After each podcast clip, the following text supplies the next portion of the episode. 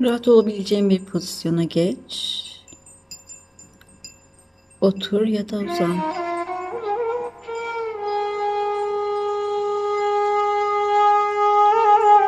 Derin derin nefesler al.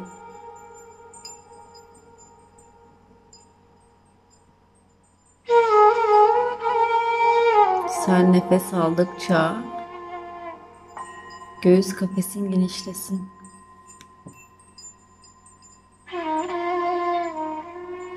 Nefes al. nefes ver. Aldığın her nefesle bedenini biraz daha iyi hisset.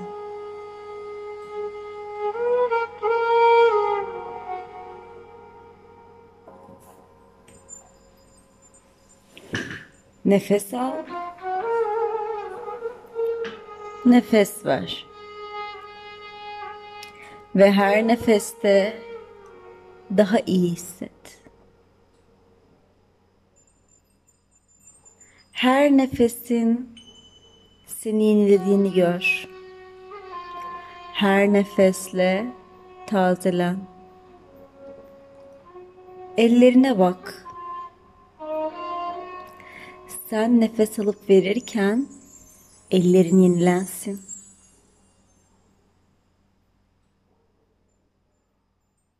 Şimdi ayaklarına bak. Sen nefes alıp verirken ayakların da yenilensin. Ve şimdi tüm vücudunu gör. Her nefesinle yenilendiğini gör. içine dönen gözlerin tüm bedeninde geçsin.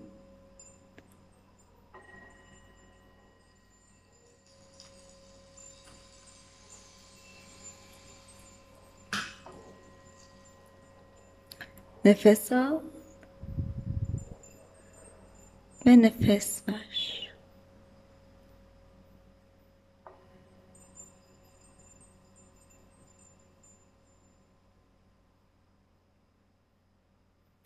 içine dönen gözlerin seni görsün. Benliğini.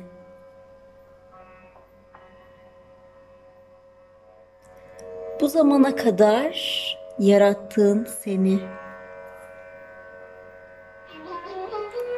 Hangi potansiyellerini uyandırdın? Bu yaşına kadar Hangi potansiyelleri uyandırdın? Hangi tohumlarını çatlattın? Hangileriyle sen oldun?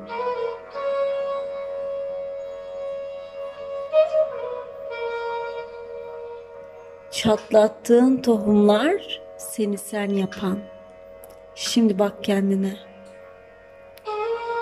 Sen kimsin?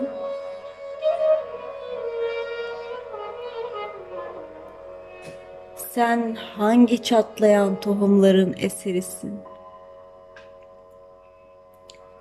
Hangi potansiyellerini açığa çıkardın? Hangi tohumlarını çatlattın?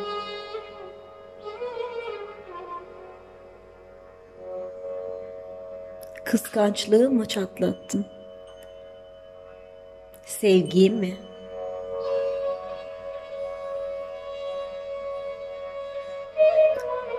Hangi tohumu? Aşkı mı? Kini mi? Nefreti mi?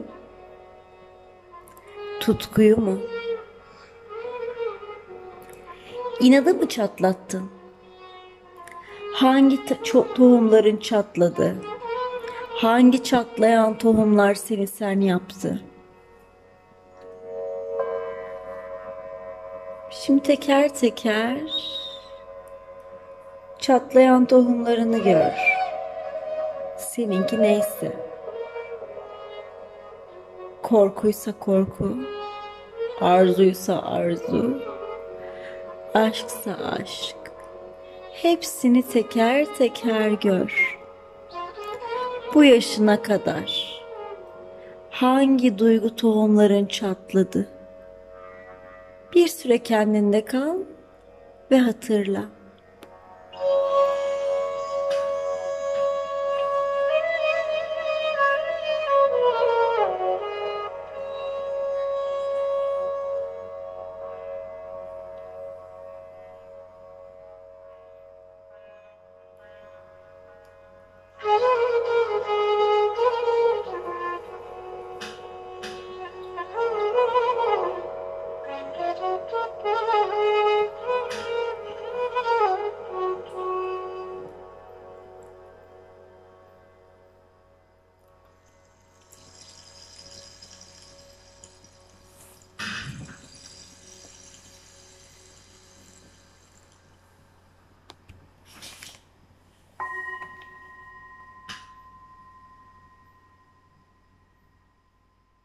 Gördün kendini, benliğini, çatlattıklarını ve büyüttüklerini.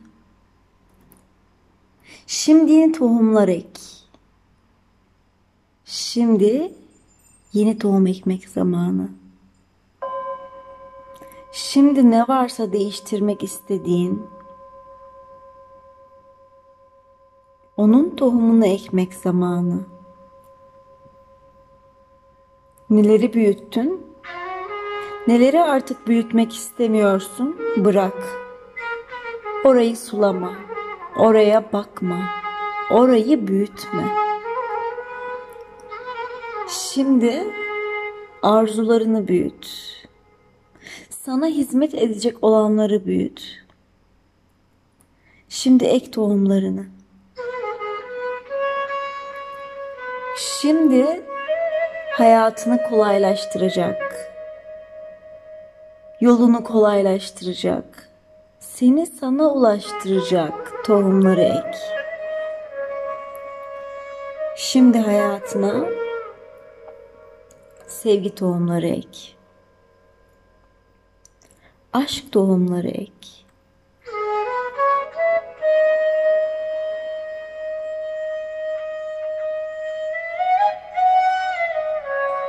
Bolluk bereket tohumları ek.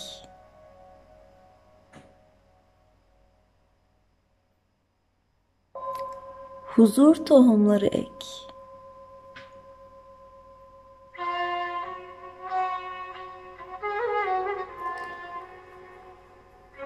Kolaylaştırıcı tesiri olan tohumlar ek. Ek tohumlarını ek tohumlarını. Ve ektiğin tohumların nasıl çabucak çatlayıp büyüdüğünü gör. Ektiğin tohumlar yeşersin ve büyüsün. Güneşe ulaşsın. Bulutlara,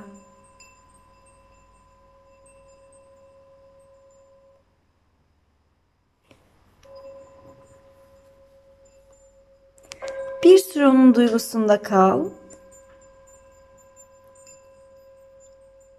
Bir süre sevgi tohumları büyütmenin, aşk tohumları büyütmenin, bolluk bereket tohumları büyütmenin duygusunda kal.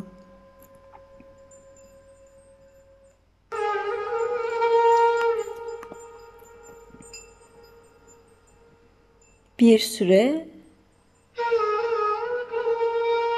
ektiğin, çatlattığın, büyüttüğün tohumların tesirinde kal.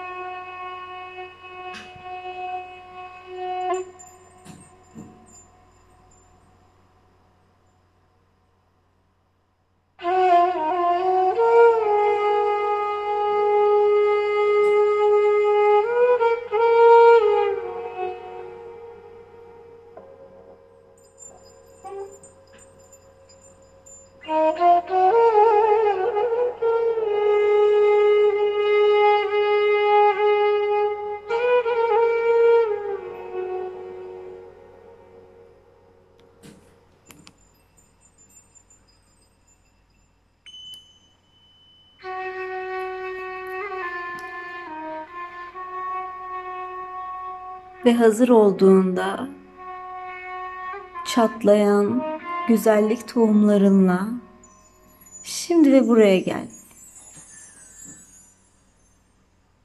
Namaste.